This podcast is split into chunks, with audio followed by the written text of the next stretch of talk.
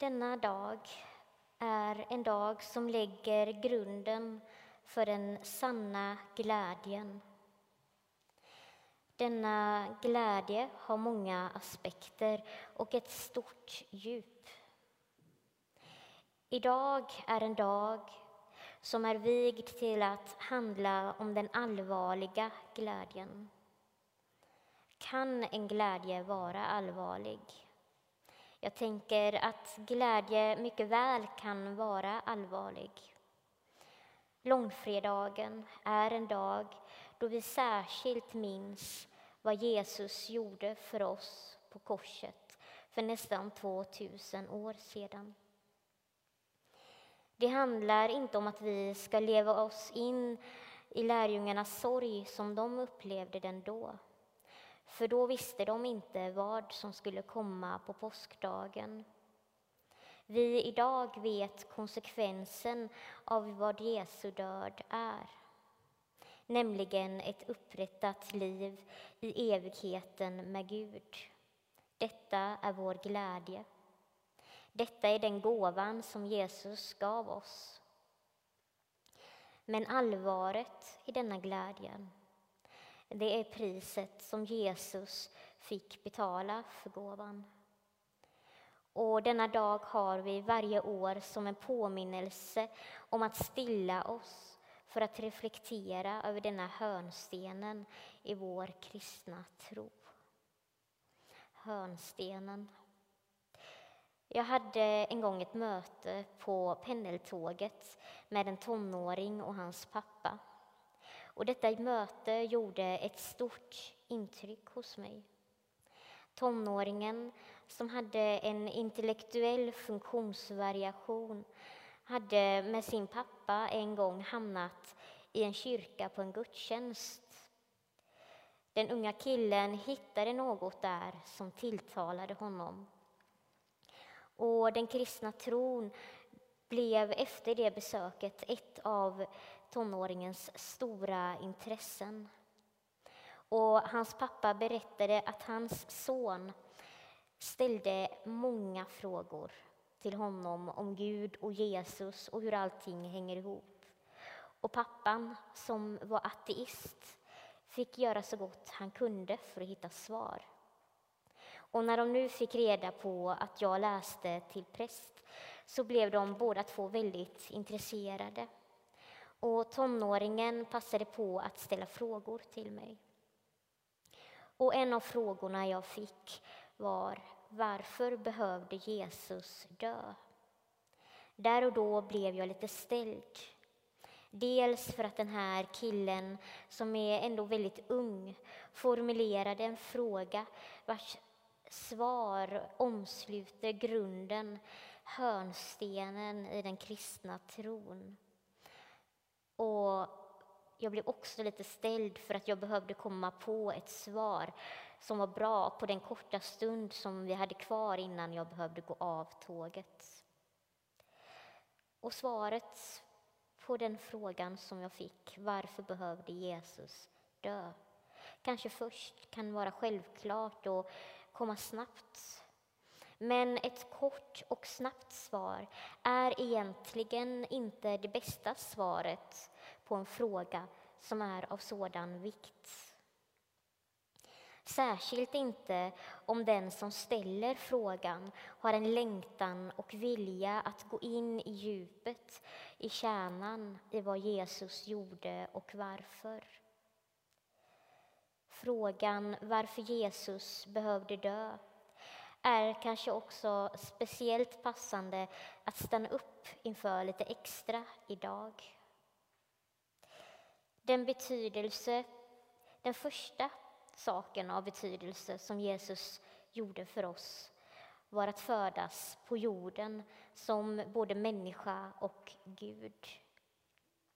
Gud själv kom till världen genom sin son till en värld som han själv hade skapat men som inte förmådde stanna i det goda som Gud tänkt för oss.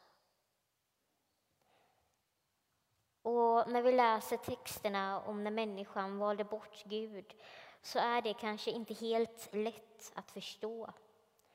Om de första människorna levde så nära Gud, hur kunde de vända sig bort från det? Och det andra betydelsefulla som Jesus gjorde för oss, det var att han levde som människa. Och han var en människa. Jesus levde på jorden som en av oss.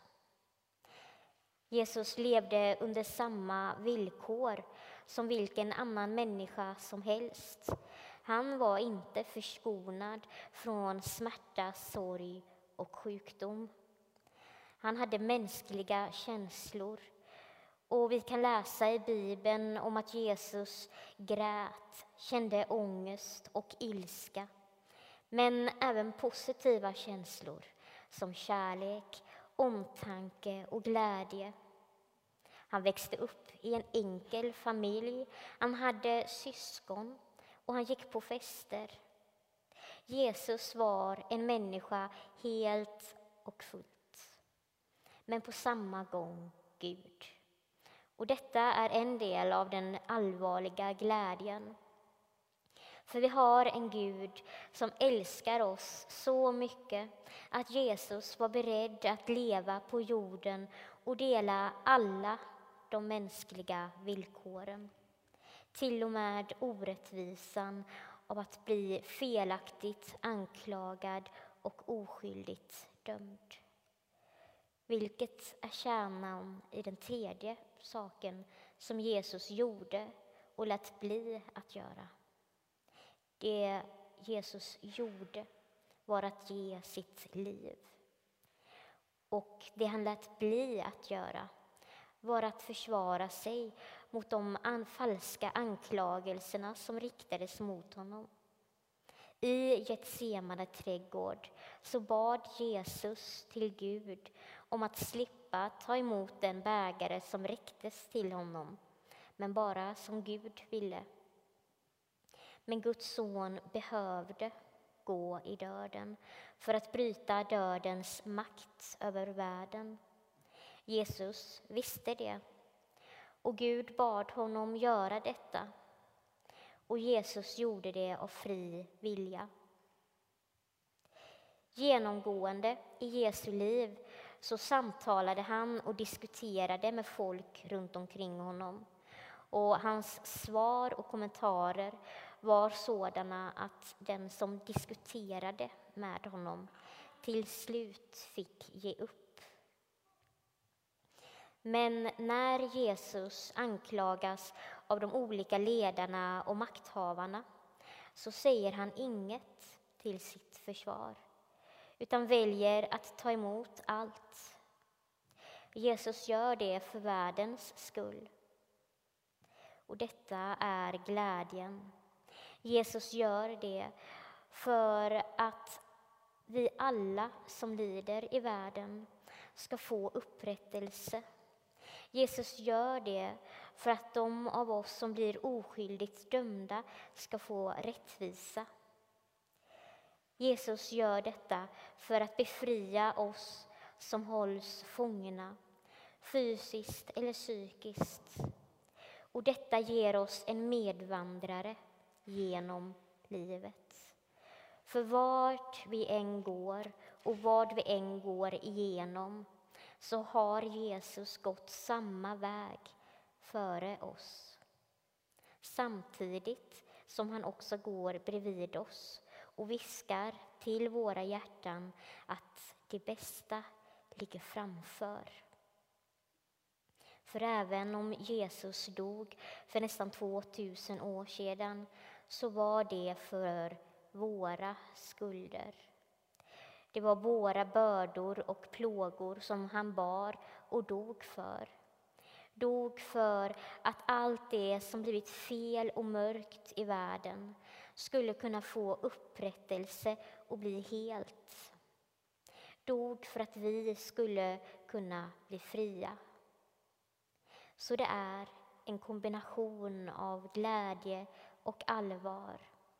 Allvaret handlar både om det som Jesus var beredd att göra och ge upp för oss människor och det är därför vi läser texter om att Jesus var som ett oskyldigt lamm som inte sa något, trots att han hade kunnat. Det är därför som han ber Gud förlåta dem som dömer honom till döden. Och det är därför som Jesus kan säga ett löfte om att komma med Jesus till paradiset och där i ligger glädjen. För glädjen är det slutliga resultatet av denna fredagen då Jesus gav sitt liv för oss. Jesus gjorde detta för att vi skulle kunna få det eviga livets gåva och leva i full gemenskap med Gud igen.